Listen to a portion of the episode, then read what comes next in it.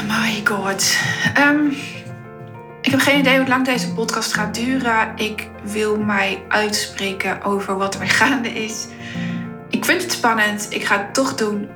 Alleen al omdat ik dit van mijn klanten verwacht en er een paar klanten hun mond aan het houden zijn over hun eigen expertisegebied. En ik denk dat als ik me uit ga spreken nu, dat mijn klanten het ook gaan doen. Ik heb daarin een voortrekkersrol en wil die met liefde vervullen. Geloof hier echt in, hè?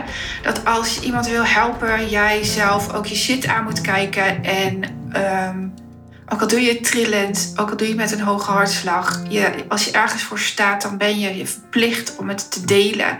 Als je weet dat het anders kan, ben je verplicht om het te delen. Maar nooit vanuit de energie, jij doet dit en ik vind dat. Nee, doe het vanuit of, of, nooit vanuit de energie, jij doet het slecht, ik weet het beter. Nee, altijd vanuit de verbinding. En jullie horen vanuit mijn ademhaling vast dat, het, dat ik het spannend vind. Ik tril. Matthijs mag dit ook absoluut niet weghalen. Ik wil hierin laten zien dat ook ik het niet altijd makkelijk vind om mezelf uit te spreken. Want het gaat wel ergens over vandaag. Het gaat over de uitspraak die Rutte gisteravond heeft gedaan. En dat is dat hij zei: wees niet de persoon die de kantjes opzoekt. Laat ik nou de persoon zijn die altijd de kantjes opzoekt. Ik zoek de grenzen op, mijn grenzen. En dat doe ik niet voor niks. Dat doe ik niet voor niks. Hier zit wel iets achter. En laatst reageerde ik op een story van iemand die had iets gezegd en daar heb ik op gereageerd. En met de woorden: Ik geloof dat mijn levenservaring ook heel fijn is nu in COVID-tijd. En ik meende dat echt, maar ik werd wel uitgelachen. En um, ik was blij, ik was super trots dat ik het durfde uit te spreken. Want levenservaring doet er fucking veel toe. Ik geloof dat, als de, de, dat de mens met levenservaring, de mensen die iets ergers is overkomen dan een frat op hun vinger en die daarmee om leren gaan. Dus die niet in de shit blijven hangen en niet de shit gebruiken om aandacht te krijgen, maar die er echt mee om leren gaan. Dus de shit aangaan en het verweven in hun leven en er iets moois mee doen en anderen mee gaan helpen. Mijn klanten dus. Zij doen ertoe. Zij doen er echt toe. Zij maken de wereld een stukje mooier. En we doen dat allemaal op onze eigen manier en op onze eigen grootte. Deze verhalen doen ertoe, juist in deze tijd. Dus ik, ik wil met mijn uitspreken een oproep doen dat jij het ook gaat delen. Nogmaals, niet in de ik vind iets van jou en ik weet het beter. In de verbinding. Die verbinding wil ik vandaag graag maken. Ik weet alleen niet zeker of ik het begrijpelijk ga uitleggen. Ik start daarom met de uitleg dat ik als klein meisje dit soort uitspraken die ik nu ga doen niet durfde te delen. Ik had een grote interesse voor de dood. Ik had een groot interesse voor adoptie. Ik had een grote interesse voor het leven en diepgaande gesprekken. Wist ik veel van de wet van aantrekking? Wat ik daar in de wereld heb gezet is het verlies van mijn kleine, fijne, ondeugende ventje. En in de wereld zetten wil niet per se zeggen dat ik de oorzaak ben van zijn dood. Maar ik weet wel wat er nu aan de hand is. De dood creëert. En ik ga het je straks uitleggen. En ik weet nog dat ik het hierover heb gehad met Kim Munnekom van fantastische coach. Haar moet je echt even gaan volgen. Ik vroeg haar vanuit haar expertise, als ik dit soort uitspraken doe, wat gebeurt er dan met mijn publiek? Zijn ze er klaar voor? En zij zei, dat ben ik met haar eens. Ik wilde het even horen van iemand die ook fucking veel weet van de law of attraction, van in alignment zijn. Wen, als jij er klaar voor bent, ga jij het delen. En ik ben er klaar voor. Ja, heel eerlijk, niet helemaal. Maar het is wel tijd dat ik dit ga delen toen Lennart er was en ik angst kreeg voor de dood, ik zag dat hij iets markeerde en niet werd geloofd, ben ik bovenop hem gaan zitten. Ik ben hem gaan volgen, ik ben mij ziek gaan melden en um, ik was er ziekelijk bezig met de dood, met de angst dat hij zou gaan. En wat ik daar heb gecreëerd, als je het uh, langs de wet van aantrekking legt, is de dood. Ik ging dagelijks met de hond lopen langs de plekken waar Lennart in opvang zat. Dus langs de crash, langs de gastouder. Bij de gastouder ging ik ook nog op visite als Lennart daar was, uit angst dat hij daar zou komen te overlijden. Wat ik creëerde, is dat hij thuis zou komen te overlijden. En um, dat is ook gebeurd. De hele dood is mij overkomen. En ja, ik heb een grote prijs betaald om te leven op mijn manier. Om te weten wat voor een mechanisme hierachter zit. En dat is dat als je bovenop je kinderen zit, als je alles voor een ander oplost, als je de ander de shit niet gunt, dan creëer je afhankelijkheid. Wat er nu gaande is, is dat we de dood enorm beschermen. We beschermen de dood uit angst voordat er te veel mensen doodgaan. Maar de dood hoort bij het leven. Er is maar één feit in het leven en dat is dat de dood volgt. Er is maar één waarheid in het leven en dat is dat je ooit dood, doodgaat. We weten allemaal alleen niet wanneer. Wat we nu aan het creëren zijn en wat we nu aan het leven zijn, is dat we geloven dat we de dood beschermen, dat we langer leven. Maar wat ik zie in mijn praktijk, is dat we waarschijnlijk meer dood aan het creëren zijn. We zitten ergens bovenop wat niet gezond is. Als ik kijk naar mijn kinderen die een hoge prijs betalen voor wat er nu gaande is. Zij mogen niet meer stappen. Ze mogen s'avonds niet meer hangen op het terras. Ze mogen niet meer voetballen. Hun geliefde sport wordt afgepakt. Uh, en hier zit ik op het randje van aanklagen. Hè? Merk dit ook, want ik ben best wel boos. En die energie wil ik niet verspreiden. Ik wil de energie verspreiden van denk hier eens over na hoe je het bij jezelf doet. Um, sport mogen ze even niet doen. De wedstrijd voor vanavond is afgelast onder het mom van. Ik zie het net in het appje gebeuren. Wat erin staat is de zin: zoek niet de kantjes op. En ik denk dat we met sporten juist bezig zijn met leven, gezond leven. Wij leren onze kinderen dat je moet blijven bewegen om gezond te zijn. Om gezond te worden of beter te worden dan je zelf bent. Een teamsport is zo belangrijk voor kinderen. Überhaupt sporten, samen sporten. Ook al doe je een individuele sport, je doet het wel samen. Je wordt samen beter. En beter worden, daar had ik een oordeel op. Omdat ik dacht, ja, poch niet met. Terwijl je geboren bent om te evolueren en om te groeien. Om beter te worden dan hoe je was als baby zijnde. Je leert niet voor niks eten, slapen, lopen, fietsen, zwemmen. Je leert. En je leert van je ouders. En als ik als moeder zijnde mij nu ga inhouden met leven, zeg ik tegen mijn jongens eigenlijk, het leven is het niet waard om voluit geleefd te worden. Dat is wat ik dus weiger. Dat is wat ik weiger. Nogmaals, misschien klinkt het onsamenhangend dat ik spreek uit gevoel. Ehm, ik wil die spreker zijn die jou inspireert om die kantjes op te zoeken. Maar let op, een van de uitspraken die daarna werd gedaan, is dat als je de kantjes opzoekt, en ik zit nu te wijzen vanuit enthousiasme, dat zien jullie niet. Een van de uitspraken die werd gedaan is: als je de kantjes opzoekt, dan jaag je een ander het ziekenhuis in of de dood. Maar ik zoek uit respect voor mezelf en die ander die kantjes op. En ja, ik draag gerust een mondkapje.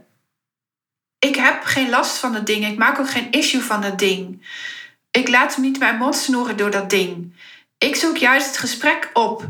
Ik wil, ik ben nieuwsgierig hoe de ander denkt over. Ik wil daar de verbinding in vinden. Ik wil daar de verbinding in vinden over waarom doe jij dit wel en jij niet. Ik wil het niet hebben over complottheorieën. Ik wil het hebben over hoe jij in het leven staat. Daar verdien ik mijn geld mee. Ik wil ook weten waar jij je in deze situatie laat tegenhouden, want er zit informatie voor jou in om voluit te leven. Wat is jouw patroon in tijden van stress? Hoe handel je dan? Ga je het gevecht aan omdat je vindt dat de ander niet de waarheid spreekt? Kijk, als we naar de feiten kijken en als ik naar de grafieken van het RIVM kijk, en dat doe ik eigenlijk nooit. Maar na, uh, dankzij Tibor heb ik ze gezien. Oh, die man moet je ook echt even volgen. Ehm, ja, zie ik dat we buitenproportionele maatregelen nemen. Het is een feit. Maar als ik, naar, als ik kijk naar wat het nu zichtbaar maakt, is dat er uh, weinig leiderschap is bij mensen. Waar kies je voor? Waar wil je voor kiezen? Wil je kiezen voor die strijd over complottheorieën? Wil je kiezen voor strijd over een mondkapje? Of wil je kiezen voor leven en ga je met dat mondkapje de supermarkt in zodat jij de meest gezonde producten zelf koopt? Ik kies het laatst en ik ga weer naar buiten. Ik neem de hond weer aan mijn hand mee en ik geniet van het groen buiten, van alle verschillende kleuren in deze herfst. Van het, van het blaadje dat net in mijn oog Van de gesprekken die ik heb bij de hondenuitlaatveld. Daar geniet ik van. Ik kijk naar wat er wel is en ik leef. Ik leef. En daar ben ik fucking dankbaar voor, want nog niet zo lang geleden ging ik bijna dood, hè? Ik ben dankbaar dat ik vandaag leef. Ik ben nooit bezig met hoe voorkom ik mijn dood. Nee, ik ben bezig met hoe leef ik voluit. En als ik beperkt word, dan, dan weet ik hoe ik reageer. Ik word eerst heel erg boos. Gisteravond was ik boos. Ik had een puber naast mij zitten die moest huilen. Mijn pubers huilen niet zo vaak, maar er wordt hun zoveel ontnomen. Ik dacht nog eventjes en de deur gaat hieruit geramd worden. En terecht. Beetje jammer dan, maar wel terecht. Want jij betaalt een hoge prijs voor een groep die zelf die verantwoordelijkheid niet neemt. It hurts. It hurts. En ik zie toevallig hoeveel pijn het doet, omdat ik twee pubers heb. Ik zie wat het met hun doet dat ze geen contact mogen hebben met vrienden. Terwijl pubers juist degene zijn die ons leren hoe belangrijk sociaal contact is. Hoe belangrijk het is om je te meten aan een andere mens. Hoe belangrijk het is om je eigen mening te vormen. Hoe belangrijk het is om los te komen van ouders die je continu in de gaten houden. Want dat doen wij als ouders. Want het doet ons pijn om een ander pijn te zien hebben. En als je kind. Nou, nou ja, ik zou even bij mezelf blijven. Mijn kind had gisteravond fucking veel pijn. Psychisch. En het was alsof de navelstreng uit mijn lijf werd gerukt. Ik vond het niet fijn. En ik stond op om alles voor hem op te lossen. Als je mij al langer volgt vanaf dat ik kindercoach was, dan weet je dat ik dat geen goed idee vind.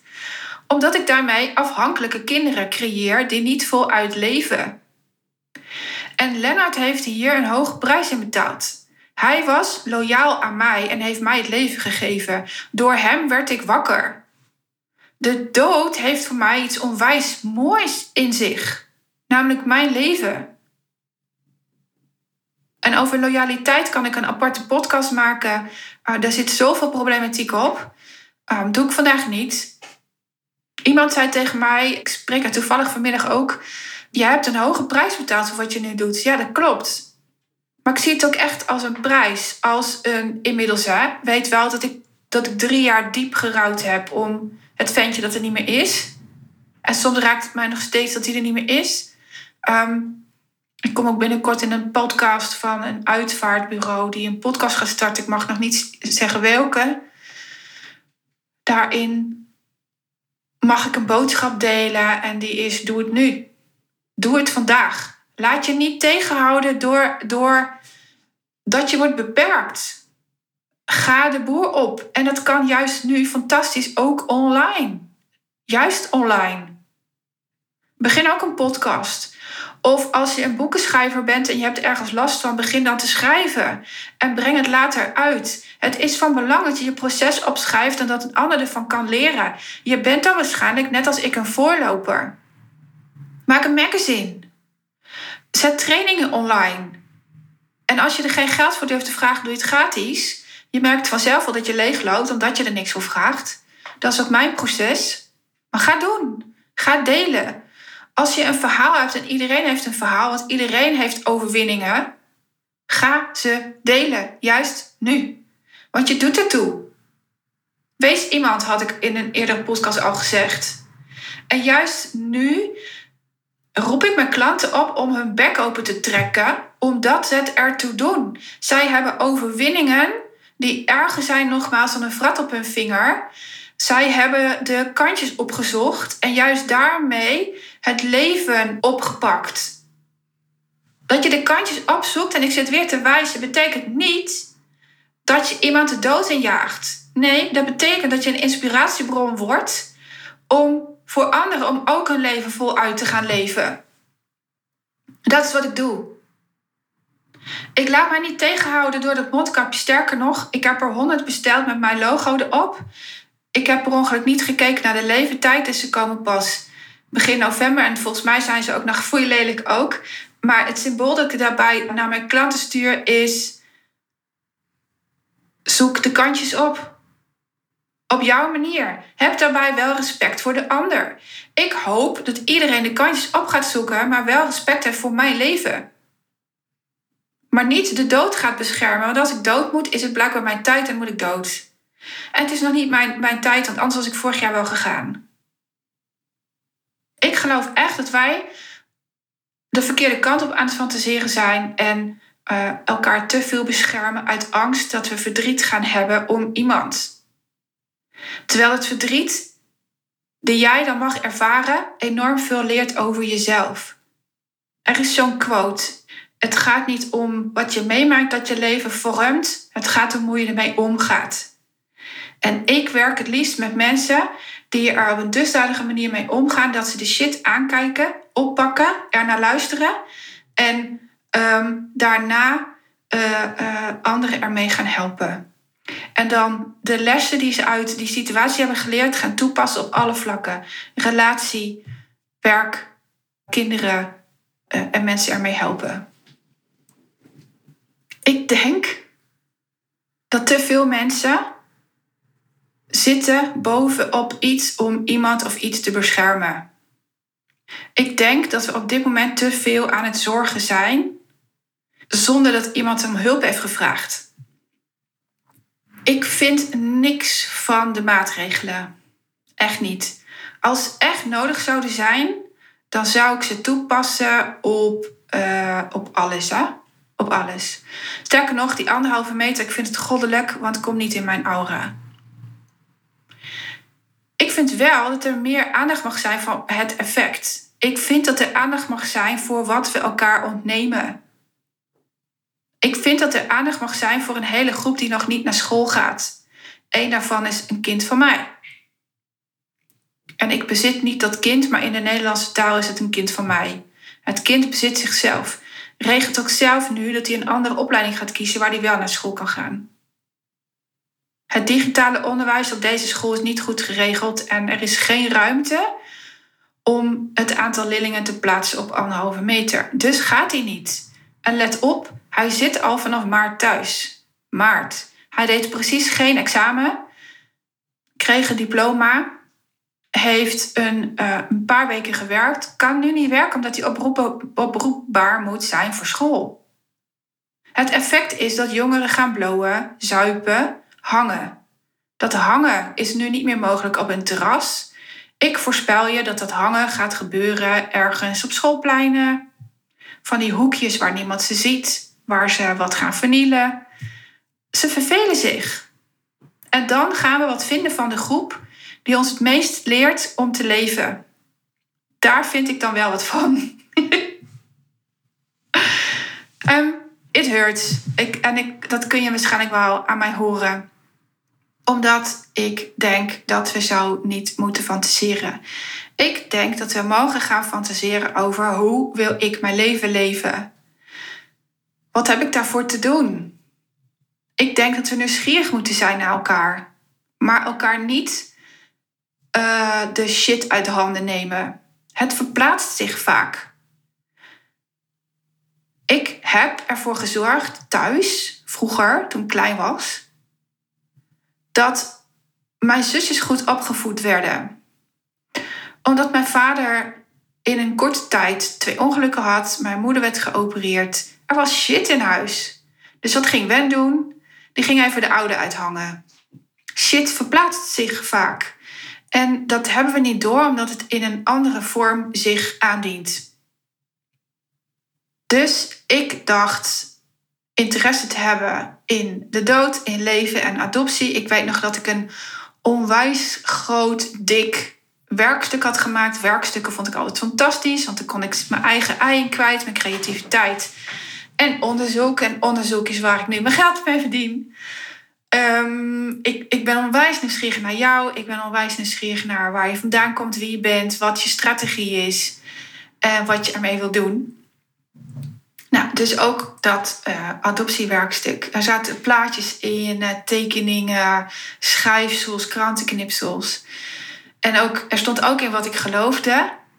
En um, nou ja, heel wat jaren later leer ik uh, mijn man kennen. Um, getint, spleetogen. En um, hij zei, ik ga je nu, we raakten verliefd. En hij zei, ik ga je nu mijn ouders laten ontmoeten. En gek genoeg dacht ik, oh lekker, dan ga ik nasi eten. Iets wat ik heel lekker vind. En ik kom daar binnen en het eerste wat ik ruik is boerenkool. En als ik iets vies vind, is dat boerenkool. Maar ik moest zo hard lachen, want ik had keihard ingevuld dat hij bij spleetoogouders, noem ik het even, uh, uh, leefde. Dat hij erdoor opgevoed was. Bleek hij geadopteerd. Hartstikke Nederlandse ouders. En um, daar hebben we samen echt onwijs over gelachen. Moesten we nog af en toe om lachen als we eraan terugdenken aan die tijd. Maar ik heb als kind zijnde al in de wereld gezet dat ik ooit zou gaan trouwen, de Law of Action. Dat ik ooit zou gaan trouwen met iemand die geadopteerd is. Of dat ik zelf een kindje zou adopteren. Of dat ik zou werken met geadopteerde mensen. En ook dat gebeurt in mijn praktijk. Ja, en de dood heeft nou eenmaal een groot effect op mijn leven. Ik wil ook dat die effect blijft hebben. Want alleen zo verweef ik mijn verdriet en kracht met mezelf. Ik maak er iets moois van. Ik laat mij dus niet meer tegenhouden. Ik zal altijd de kantjes opzoeken van. Altijd. En um, daar heb ik ook behoefte aan. Omdat er in elke situatie, hoe zeer je ook tegengehouden wordt, altijd iets moois is. Je kan altijd kijken naar wat er wel is. Altijd. Altijd. En ik zei niet dat ik door moest gaan voor mijn kinderen. Daarmee had ik, als ik dat had gezegd en dat ik hoor dat, ik, dat, dat, dat veel mensen dat doen, ik ga door voor mijn kinderen. Ik heb er nog twee. Dan verleg je dus het probleem. Dan verleg je het probleem bij je kinderen. Je legt ze de stenen die jij zelf niet oppakt op hun schouders, voor hun voeten. En zij gaan daar ooit over struikelen. Zoals ik gestruikeld ben omdat mijn ouders iets niet opgepakt hebben. En je kan echt niet alles voorkomen. En dat is wat de energie in deze wereld nu wel doet. Voorkomen dat. Als ik in die energie stap, ben ik de godsganselijke dag bezig met angst. Met angst voor de dood. Met angst om ziek te worden. Ik heb geen idee hoe mijn lijf reageert op een virus. En ik ben al een jaar niet meer ziek geweest. Hoe tof is dat? Hoe tof is dat? Dat mag ik dus vieren, dat mag ik aankijken. En ja, ik ben dagelijks bezig met in ritme eten, goed ontbijten, goed lunchen, zoveel mogelijk groenten uh, tot mij nemen.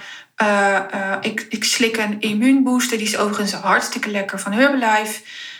ik drink genoeg water en ik zorg ervoor dat ik voldoende slaap krijg. Ik zorg er ook voor dat alle lessen die ik leerde na aanleiding van de dood, ik toepas op alle vlakken. Bij mijn man, ik leer het de jongens, ik leer het jou, ik uh, leer het, uh, het buurmeisje, ik, nou iedereen. Daarom maak ik deze podcast. Omdat ik echt denk dat we elkaar te veel beschermen voor. En ja, je mag daarin in opstand komen, maar heb dan wel respect voor die ander. Weet dat die andere een andere mening zou kunnen hebben en ga niet zo tegen elkaar in, maar heb het erover.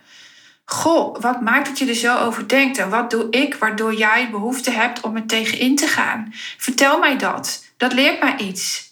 Dat leert mij misschien wel om net die wenkbrauw niet omhoog te doen als ik, als ik nadenk. Of dat leert mij jou vertellen dat als ik die wenkbrauw omhoog doe, ik jou niet in twijfel trek, maar dat ik bij mezelf aan het nadenken ben of ik mijn mening kan bijstellen of niet. Laat twee meningen naast elkaar bestaan en ontmoet elkaar letterlijk. En dat kan via Zoom, hè jongens. Ik heb respect voor mezelf en de ander. Ik laat me niet tegenhouden, maar ik verplaats al mijn afspraken tot en met december wel naar online.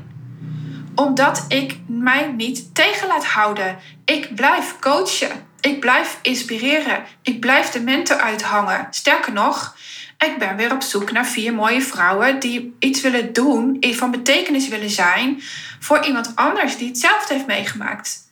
En dan praat ik niet over de dood, ik praat over iets ergens dan die frat op je vinger. Over een scheiding, over een operatie, over een natraject dat je mist, of een voortraject, of uh, dat je ziet dat iets anders kan, of een partnerverlies of gezondheidsverliezen, of whatever. Als jij er op jouw manier mee om bent gegaan en jij ziet dat een ander dat ook kan doen en daardoor veel sneller en makkelijker en rustiger emoties kan hanteren, dan ben je je verplicht om er iets mee te doen. Ik wil de vrouw zijn die die rippel op deze wereld doorgeeft. En daar wil ik jou bij helpen, want er is altijd een begin. Er is nooit een eind. Want als je je. Ik vind missie een rotwoord, want die is tegelijkertijd zo vaag. Maar als je een missie voelt, kan je hem overal leven. Op je werk, in een praktijk, in een stichtingvorm, in een boekvorm, in een magazinevorm, in een podcastvorm, op straat, bij de Jumbo, bij de Albert Heijn, letterlijk overal. Maar wat je doet omdat je denkt dat je niet goed genoeg bent, dat iemand anders het beter verwoordt dan jij, dat je nog een, een, een oh, ook zoiets, intelligente mensen, die, die gewend zijn om te studeren, die denken heel vaak en ik trek heel veel intelligente mensen aan. Ik trek heel veel professionals aan. Die denken altijd, ik moet nog een opleiding doen om het te gaan delen. Nee, je moet eerst gaan delen. En moet, daarvan bedoel ik, omdat het mijn drive is om jou die schop onder je kont te geven. Je moet eerst gaan delen. En, en ervaren wat je mist in het delen. En daarop doe je een opleiding. Je gaat niet eerst kiezen voor die opleiding en dan pas delen. Want dan kom je van een koude kermis thuis. Je gaat ook niet eerst een business coach aannemen omdat je denkt dat je een bedrijf moet starten in dat wat je goed kan. Nee, je gaat eerst de boer op en dat wat misgaat, daarop neem je een business coach. Zo is het hoe het werkt, omdat je dan veel fijner kunt kiezen. Je kunt dan veel beter, je kunt veel gerichter kiezen. Dat is het woord dat ik moet gebruiken. Je kunt veel gerichter kiezen. Daarmee moet je dus fouten maken. Ik vraag letterlijk aan je om fouten te maken. En dat vinden mensen lastig, want op fouten kun je afgewezen worden. En daarom durfde ik nu pas deze podcast te delen dat ik bovenop Lennart heb gezeten. Te. En als je ergens bovenop zit, creëer je afhankelijke kinderen. En in mijn geval is het dat hij zo loyaal was dat hij is gegaan en mij het leven heeft gegeven. Ik heb hem ook nog naar mij vernoemd. Echt bizar, bizar. Het is mijn waarheid, hè? Je hoeft het niet zo te voelen, maar pik dan de energie op dat je voluit mag leven. Dat je echt voluit mag leven. Je creëert je eigen werkelijkheid, je creëert je eigen leven, je creëert je eigen ritme, je creëert alles zelf. En ja, we hebben nou eenmaal te maken met dat vierkantje, met die dichte deur die een virus ons geeft. Maar ga dan wel die kantjes opzoeken met respect voor mij. Ik hoor natuurlijk dat die risicogroep, maar ik ga er niet dagelijks mee bezig met: oh jee, zou jij het kunnen hebben, zou jij het kunnen hebben, zou jij het kunnen hebben. Nee, ik neem maatregelen op gezond leven. Ik neem maatregelen op gezond leven. En mijn man is hier al vier keer langs gelopen met de vraag of ik mee kan helpen met de hond. ik vind dit belangrijker. Ik vind dit belangrijker. Ik moet ik moet dit delen. En in die drive van delen zet ik jou. Ik heb vanmorgen nog met twee vrouwen samengewerkt. Ik heb het even samengevoegd omdat ze tegen hetzelfde aanlopen. En ik zei, ja, jullie moeten echt gaan delen. Als je niet gaat delen, weet je ook niet welke fouten je gaat maken. Het is ook niet waar je jezelf in te trainen hebt. Een van die uh, prachtige vrouwen heeft zichzelf te trainen op LinkedIn, want daar zitten haar mensen. Daar zitten de professionals die zij kan bereiken. De ander heeft zich te trainen op uh, Instagram, omdat daar haar mensen zitten. Ik ga naar LinkedIn waarschijnlijk um, om uh, ook daar mijn inspiratie te tonen. Daar heb ik een training voor nodig, want ik vind LinkedIn ingewikkeld. Ik zie te veel tekst en uh, uh, te veel mogelijkheden. En ik, en ik word er beperkt ook nog, want aantal tekens. En zo voelt het nog voor mij. Dus ga ik daarin trainen. Ik ga het doen. En zodra ik fouten maak, weet ik ook wat voor een hulpvraag ik moet stellen. Deze post wordt niet gelezen. Wat doe ik niet goed of wat kan ik beter doen? Wat kan ik anders doen? Ik veroordeel mezelf daar niet. Nee, ik gun mezelf een leerproces. Dat is anders dan jij het doet. Je veroordeelt jezelf nog. Omdat je iets niet goed kan. Omdat je als kind hebt gehoord dat een 5,5 niet genoeg is. Maar stap nou eens bij die 5,5. Dat wordt vanzelf, vanzelf een 6, een 7, een 8. En op een moment maak je een 10 en dat post gaat dan viraal. En dan mag je, net als ik, pijn hebben dat je niet wordt gezien, maar de ander beter. In het geval van de kus is dat zo. Voor mij was de kus huge. Die was echt mega groot. En omdat ik daar een van transformatie ging van een, een zielig meisje die anderen de schuld gaf over het niet lopen van een fijn leven, over het zwaar hebben, over een ritme hebben dat veel te druk was, over suikerverslaafd zijn, gaf ik de anderen schuld van, niet mezelf. Nee, ik was goed. Over dat zielige meisje die geen vragen durfde te stellen over niet delen van haar oplossingen. Daar ging ik naar scheid hebben aan iedereen. Dit moet mij lukken. Dit gaat mij ook lukken. En de uitkomst interesseert me niet. De hoe interesseert me ook niet. Maar het gaat me wel lukken. Ik stopte niet met delen omdat ik de drive voelde dat het mij gaat lukken. Ik stelde daar één vraag. En die vraag was voor mij zo belangrijk. Maar wat gezien wordt aan verhaal, is Henrike en het vinden van de kus. It hurts, omdat ik jarenlang niet gezien ben. Ik liet mezelf niet zien. En wat heb ik heel lang gedaan? Mezelf niet laten zien op het stellen van die vraag. die vraag staat in mijn boek, dus die kun je dan bestellen. Mijn boek is een manier om mezelf zichtbaar te maken. Maar ook een manier omdat ik een drive voelde. En die was voor mij heel erg belangrijk. En verbind je met jouw drive, jouw droom. En laat die droom dan los, want de hoe komt op je pad. Ik had namelijk ook een video op kunnen nemen voor mijn jongens. En die later, als ze volwassen zijn, uh, kunnen laten zien. Maar ik wilde een boek. Het voelde, het moet een boek worden. Ik had niet eens die hoe-vraag. Het was er ineens. Want ik wist als klein meisje, ik moet een boek schrijven. En ineens kwam dit voorbij. De wet van aantrekking. Ik wist die drive om te delen dat de jongens laat, of het antwoord te geven op de vraag van de jongens die ze later hebben, die moet ik alvast antwoorden, want later heb ik het antwoord misschien niet meer. Dan ben ik uit dat gevoel, ben ik uit die situatie. Ga ervoor zorgen dat je zelf in het leven staat. Dat is wat ik met deze podcast wil bereiken. Dat je wel die kantjes opzoekt maar niet altijd ten koste van die ander. En tegelijkertijd vind ik, laat het maar ten koste gaan van die ander, want je bent van grote, je bent een grote inspiratiebron als jij voluit gaat leven. Enorm. Je bent een inspiratiebron voor, voor mij ook. Mijn ego vindt het ook leuk als je dit gaat doen. En dit heeft dus allerlei vormen. Stel je werkt in een hotel en je ziet dat er andere dingen mogelijk zijn dan wat er nu gebeurt. Ga dan mensen interviewen. Maak er een podcast van. Hoe kijk, hoe kijk jij hier tegenaan? Wat, vind, wat voel jij? Uh, ben je het met me eens of niet? En waar vinden we dan de gulden middenweg? Of uh, uh, wie kunnen we hier nog meer mee inspireren? Um, word een voorloper. Wees die missionair waarvan jij weet die is nodig in deze wereld. En weet er zijn echt nog heel veel meer visionairs en missionairs nodig dan er nu zijn. Je moet opstaan als je weet dat iets anders kan. Je moet.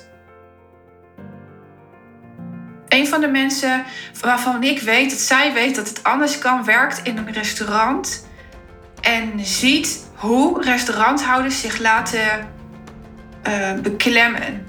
En zij maakt, en ik, ik weet niet of ik haar mag noemen, zij maakt een onwijs gaaf concept. En die koop ik regelmatig. Omdat het zo gaaf is, zo origineel is. Ga op zoek naar jouw originaliteit, dat wel bij jou past. Dat wel bij jou past. Omdat je daarmee voluit leeft. Wat heb jij voor mij nodig om voluit te leven? Deel het eens met mij. Ik ben er onwijs nieuwsgierig naar. Wat heb je van jezelf nodig om voluit te leven? Welke fouten mag je eerst maken? Wat mag je eerst gaan doen? Zodat je exact weet wat je hulpvraag is. Welke training je wel kan gaan volgen. Welke coach je gaat toelaten. Welke uh, therapeut je gaat toelaten. Welke psycholoog. Te vaak laten we dat soort zaken door een ander kiezen omdat zij ervaring hebben met en dat zijn nooit de meest fijne hulpverleners voor jou. Jij moet zelf zoeken. Jij moet zelf zoeken. Dus ja, ik zal altijd de kantjes op gaan zoeken. Ik laat mij niet tegenhouden door meneer Rutte. Maar ik heb wel respect voor de situatie. Dus ik sta vandaag op. En jij weet, Wendy zoekt de kantjes op binnen de mogelijkheden die er zijn. Ik leef. En ik hoop dat jij ook gaat leven.